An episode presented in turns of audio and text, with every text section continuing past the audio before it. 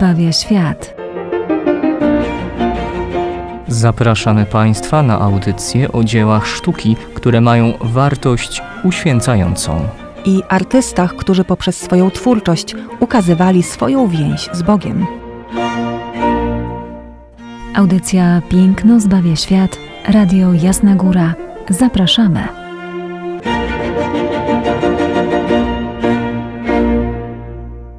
W audycji Piękno zbawia świat witamy Państwa serdecznie. Izabela Banaszewska. Ojciec Tomasz Mordziałek. Dziś trzeci z obiecanego tryptyku z Brojglem, obraz dotyczący e, ikonografii Bożego Narodzenia. I tak jak rozpoczynamy ikonografię Bożego Narodzenia od sceny zwiastowania, tak kończymy ją pokłonem Trzech Króli. I faktycznie dziś obraz Petera Bruegla Pokłon Trzech Króli na śniegu. Obraz przypominający nam przede wszystkim o tym, że Bóg wybrał to, co małe w oczach świata, by okazać rzeczy wielkie. Uroczystość objawienia pańskiego, która jest e, za nami, akurat tak się złożyło, że e, w tym roku i w tym kalendarzu liturgicznym przypada po sobie akurat Trzech Króli, Objawienie Pańskie i zaraz właśnie niedziela, więc e, tu postanowiliśmy w audycji Piękno zbawia świat właśnie w tym takim tryptyku e, trylogii e, Broila wam przedstawić, a jednocześnie dać tą zimową aurę pełną śniegu, bo no, trochę nam pooszczędziła pogoda na ten czas śniegu, to chociaż tyle w obrazach możemy się nim zachwycić, możemy troszeczkę jakby to powiedzieć... Nacieszyć oko. Dobrze powiedziane. Tak, nacieszyć oko e, białym puchem, e, który tak e, broil, no w jakiś sposób też, wydaje mi się, umiłował w swoich obrazach. Zresztą sam go przeżywał dość mocno. To jest czasy e, takiej mini epoki lodowcowej, e, której doświadczała Europa, akurat w, w drugiej połowie XVI wieku więc Bruegel to po prostu też e, oddaje. Ale objawienie pańskie e, naprawdę niezwykła też uroczystość i wcześniejsza, o której warto powiedzieć, wcześniejsza od samego Bożego Narodzenia. Pierwszą rzeczą było świętowanie zmartwychwstania w samą niedzielę, ale później objawienie pańskie, to, że Bóg przedstawia się, właśnie objawia się człowiekowi, że daje się poznać. Oczywiście wiemy tu, jako e, w postaci małego dziecięcia, który przyjął e, ludzką naturę, w tym wydarzeniu, objawieniu, e, objawienia pańskiego, nie tylko mamy pokłon trzech króli, magów, mędrców, w zależności od tego, jak to przeczytamy, zinterpretujemy, czy wyciągniemy z naszej tradycji nazywania tych, którzy przybyli do nowonarodzonego Mesjasza. Ale całość objawienia pańskiego jest y, pięknem tego, że Bóg przemawia do człowieka, niejako tłumaczy się z boskiego na ludzkie, tak, z polskiego na nasze. W uroczystości objawienia pańskiego również pojawia się delikatność Boga, Jego objawienia i nie narzucania siebie nie narzucania swojej osoby, swojego majestatu, boskości ludziom, ale przemawiania niezwykłej subtelności i delikatności e, do człowieka. Myślę, że tu będzie też dobry moment, aby też i przedstawić szybciutko, oczywiście z dostojeństwem, fragment Ewangelii Mateuszowej, która przedstawia nam e, mędrców przybywających do Jezusa. Gdy zaś Jezus narodził się w Betlejem w Judei za panowania króla Heroda, oto mędrcy ze wschodu przybyli do Jerozolimy i pytali, gdzie jest nowonarodzony król żydowski? Ujrzeliśmy bowiem jego gwiazdę na wschodzie i przybyliśmy oddać mu pokłon. Myślę, że to wystarczy. Dalej już e, mamy działania samego Heroda. Mędrcy, którzy ujrzeli gwiazdę, E, na wschodzie. Co ciekawe, to są osobistości, które nie idą za wiarą, ale idą za drogą tak zwanego rozumu, za racjo. Poznania. E, tak. E, mhm. Oni, którzy byli, patrząc na kulturę wschodnią, e, mędrzec czy mag, jak to będziemy czytać w wersji greckiej, magoi, to są ci, którzy parali się astronomią, w tym się znali, tłumaczyli sny też również.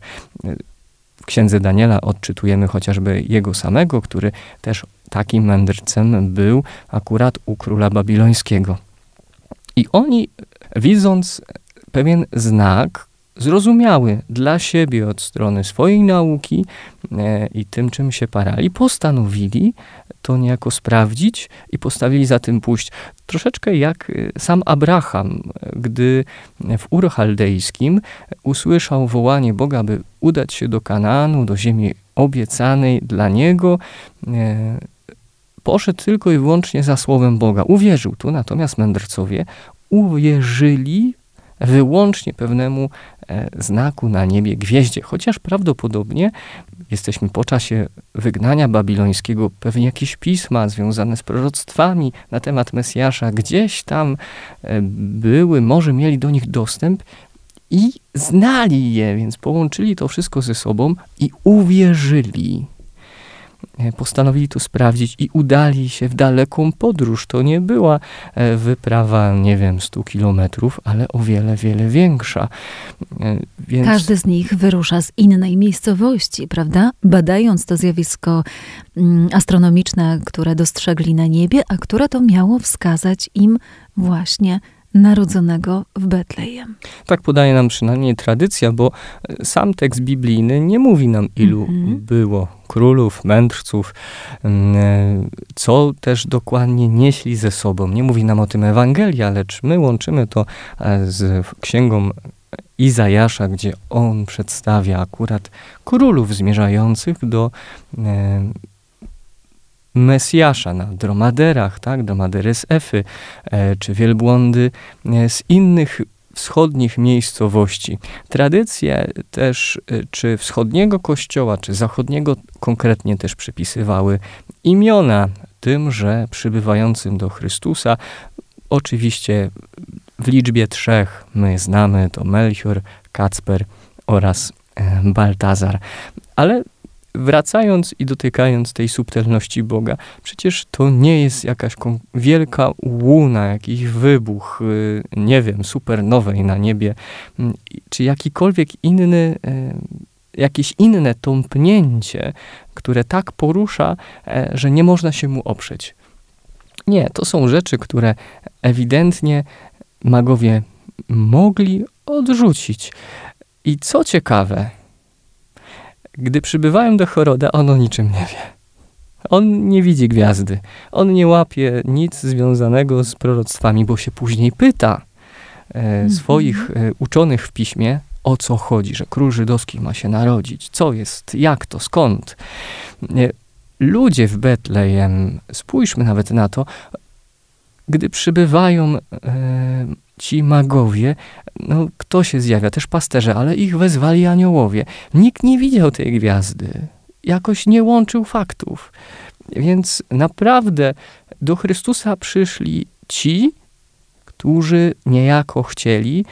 Oczywiście e, ci pasterze wezwani przez aniołów również mogli odmówić. Mogli ewentualnie powiedzieć, to się coś nam przyśniło, późno w nocy jest. No, może tak powiedzieć troszeczkę, może za bardzo popiliśmy przy tych owieczkach, tak? Ale nie, no, no też za tym poszli, ale tu za wezwania Bożego. Więc naprawdę, patrząc tylko i wyłącznie w postaci e, z Ewangelii Mateuszowej o przybywających e, mędrcach do Mesjasza, widzimy naprawdę niezwykłość Bo Bożego działania i objawienia się, mówienia e, do człowieka. Naprawdę jest czym się zachwycać, naprawdę jest też za co wielbić Boga e, przez Jego po prostu delikatność e, do nas, do ludzi. Ten, który mógłby no, lekkim podmuchem nas zmieść, e, swoją obecnością nas wypalić, to tak jakby stanąć zaraz obok słońca, nawet byśmy tego nie poczuli. Robi to, e, mało powiedziane, z chirurgiczną precyzją. E, to jest coś, co wymyka się nam pojęciom na naszego języka, by to ładnie, dobrze opisać i, i przedstawić. To może tyle z teologicznego gdzieś opisu, ale chyba od razu można powiedzieć, że Broil tutaj przedstawia nam wydaje mi się ten, e, ten główny rys właśnie e, tego przyjścia do Chrystusa i zauważenia go przez tych, którzy też e, chcieli, którzy wiedzieli, którzy zauważyli, którzy mieli ku temu ostatecznie wolę. Kiedy zaglądamy do naszego obrazu, Trzeciego z kolei już, w odróżnieniu od poprzednich dwóch pejzaży zimowych, na które spoglądaliśmy, przypomnę Państwu pokrótce spis ludności w Betlejem i rzeź niewiniątek. Tam wszędzie mieliśmy do czynienia z takim jednym dużym, głównym placem w miejscowości niderlandzkiej, e, która oczywiście służyła e, malarzowi za odwzorowanie Betlejem. Tym razem zobaczmy, że mamy zupełnie inne kadrowanie. Przede wszystkim nie jest to żaden główny plac, wręcz przeciwnie. Scena rozgrywa się poza murami pałacowymi, murami najważniejszej, jak się okazuje, tutaj budowli w tej miejscowości, którą jest pałac. No, jak za chwileczkę zobaczymy, przyjrzymy mu się, to są tak naprawdę już ruiny pałacu. Tego symbolu używa artysta zdecydowanie mm, bardzo sugestywnie i celowo, aby ukazać to, co stanie się z władzą Heroda, że jego władza jest tylko i wyłącznie władzą zewnętrzną. Pamiętajmy, że jest namiestnikiem cesarstwa rzymskiego. Jego władza utrzymywana jest z zewnątrz niejako. Troszeczkę tak, jak ten ogromny bal podtrzymujący w naszym obrazie pałac, który no chyli się ku upadkowi niestety. A zatem scena rozgrywa się z boku. Można powiedzieć, że faktycznie w bocznej ulicy. I co my tutaj widzimy? Oczywiście jest zimowy pejzaż, jest zamarznięta woda, którą Bruegel bardzo lubił e, pokazywać. Choć w tej wodzie próbuje bawić się, próbuje ślizgać się po niej, czy też y, y, płynąć w miejscu, gdzie ona nie jest jeszcze tak skłuta lodem dziecko. Są osoby, są postacie, które ukazuje jako mieszkańców tej mieściny, zajętych swoimi codziennymi obowiązkami. Ale w dolnym, lewym rogu tego obrazu dostrzegamy scenę główną. Widzimy tutaj jakąś kolejkę. Widzimy dwóch mężczyzn pochylających się w pokłonie. No i zaczyna nas to zastanawiać, co się tutaj dzieje, cóż to za kolejka. Okazuje się, że w bardzo biednej chacie, najbardziej biednej ze wszystkich przedstawionych tutaj na tym malowidle, ukazana została Maryja, siedząca Maryja z dzieciątkiem na rękach, a u jej stóp klękają dwaj królowie. Trzeci z nich stoi w kolejce. Zaraz za nim rozpościera się orszak trzech króli. Widać, że on jest ogromny, że jest, no można powiedzieć, nawet paradny, bo e, w tym orszaku znajdują się zwierzęta, które także niosą, no możemy się domyślać, jakieś szaty, namioty dla króli, które były im potrzebne w drodze. No, generalnie orszak ten jest mocno wyposażony, kontrastuje z tą niewielką, biedną mieściną, nawet z tym pałacem, z tymi ruinami, które stoją obok, wszakże chylą się one ku upadkowi. No i teraz zobaczmy. Po raz pierwszy nasz artysta zaczyna tutaj, w tym obrazie, wszystkie trzy, tak jak mówiłam, dotyczą sceny Bożego Narodzenia. W tym obrazie po raz pierwszy on zaczyna w sposób świadomy myśleć pejzażem. Zobaczmy, że e, pokusił się o to, aby utrwalić specjalnie dla nas tak ulotne zjawisko, jakim jest padający śnieg. Mamy tutaj do czynienia z padającym w XVI wieku śniegu. Gdyby ktoś się zastanawiał, jak wtedy wyglądał? No właśnie tak, proszę zobaczyć. Spójrzmy, jak te płatki w przepiękny sposób rozedrgały nam powierzchnię całego tego dzieła sztuki. To niezwykle wpłynie na artystów późniejszych, zwłaszcza na impresjonistów, których zachwycać będą właśnie tak ulotne zjawiska, jak e, padający śnieg, czy wschód słońca, czy blask, promień słońca odbijający się e, na wodzie, czy też przedzierający się e, przez gęste powietrze. To są zjawiska, które zwrócą ich szczególną uwagę, i tutaj oni odnajdą rzeczywiście prekursora w osobie Bruegla, który próbuje nam zatrzymać prawie jak na zdjęciu. Bo i to kadrowanie mówi nam tutaj o tym, że próbuje nam pokazać ten pejzaż właśnie w taki sposób, jakby zdjęcie robił. Kadruje niedokładnie tą stajenkę, również niedokładnie ten pałac. Domyślamy się, że jest to pałac Heroda, tak? On pokazuje nam jak gdyby przypadkowy fragment w tej miejscowości. No i tutaj rzeczywiście artysta zaczyna już myśleć jak impresjonista. Zresztą no, naprawdę ląduje w tym swoim brawurowym pokazaniu sceny Bożego Narodzenia gdzieś daleko w XIX wieku. Do tej pory nikt nie ośmieliłby się w ten sposób pokazać sceny Bożego Narodzenia. Nawet spis ludności w Betlejem, który, tak jak mówiliśmy, szokował oczywiście wszystkich, bo też nie mogliśmy namierzyć tej świętej rodziny zmierzającej, aby się zapisać, ale jednak umiejscowił ich w środku. Tym razem zastanawiamy się, no dla nas jest to scena raczej rodzajowa, ukazująca życie miejskie. Absolutnie nie możemy namierzyć rodziny świętej i nie wiemy o tym, że jest to pokłon trzech króli, dopóki nie przeczytamy, jaki jest temat tego obrazu. Codzienność, życie codzienne to po raz kolejny właśnie tutaj z tą myślą powraca artysta, że Chrystus przychodzi do naszej codzienności i widać, że ten fakt absolutnie artystę zachwyca. Widzimy też po, po samych postaciach, jak podejmują po prostu codzienne e, trudy życia. E, tutaj e, biorąc wodę z rzeki, gdzieś tam zrobiony jest przerębl, by można było ją pobrać. Jeden z chłopów zajmuje się świeżo, może świeżo prawdopodobnie upadłym drzewem. Każdy gdzieś ma swoje zajęcie i, i co ciekawe, nie widzimy zainteresowania, przynajmniej ja go nie dostrzegam w postaciach mieszkańcach tejże miejscowości, samym orszakiem, który przybył. Tym dodatkowym zamieszaniem, e, które no musiało być jakimś naprawdę nowym i, i czymś niezwykłym dla miejscowości, no bo tyle ludzi, jak jakaś karawana, e, po co oni tu, na co? Nie, ludzie po prostu e, trwają w tym swojej szarzyźnie, może, możemy tak to powiedzieć, codzienności.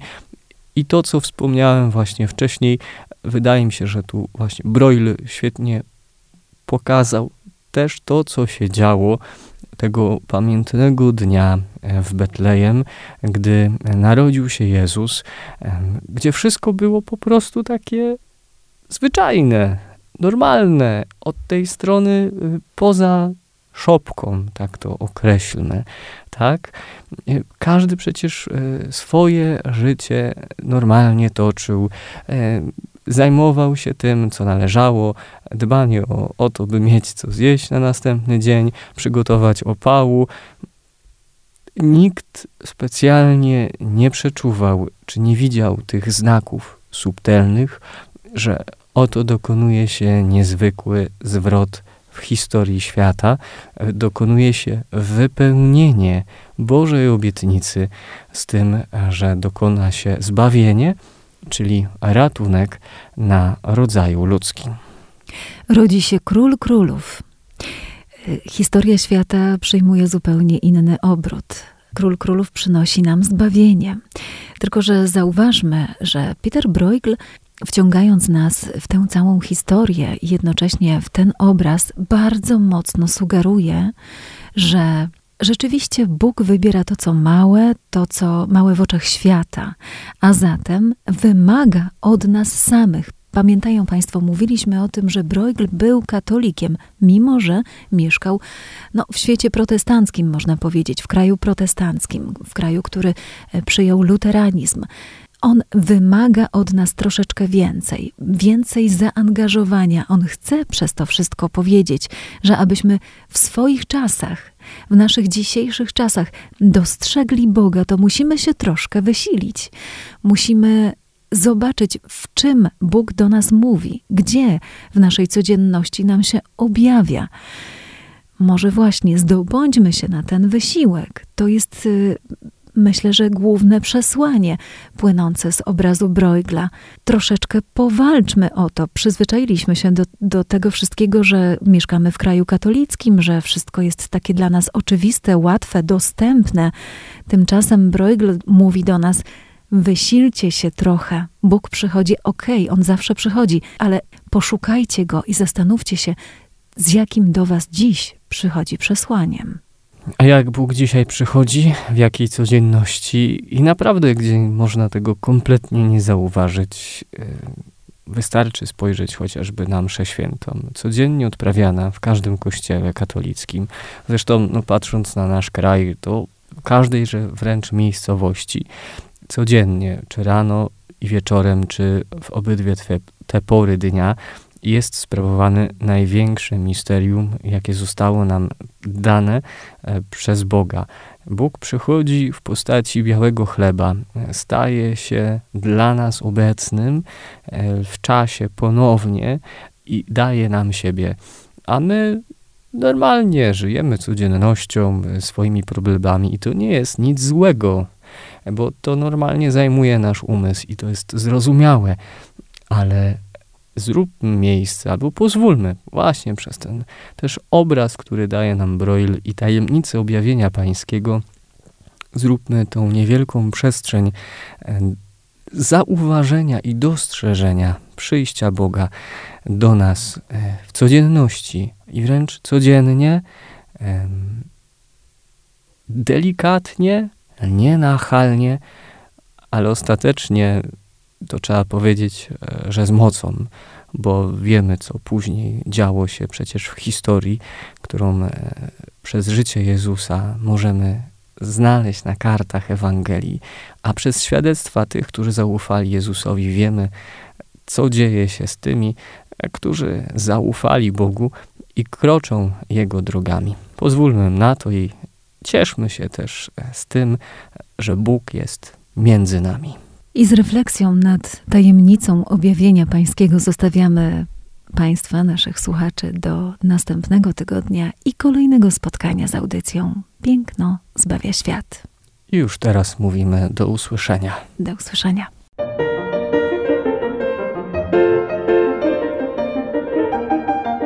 Piękno zbawia świat. Zapraszamy Państwa na audycje o dziełach sztuki, które mają wartość uświęcającą. I artystach, którzy poprzez swoją twórczość ukazywali swoją więź z Bogiem. Audycja Piękno zbawia świat, Radio Jasna Góra. Zapraszamy.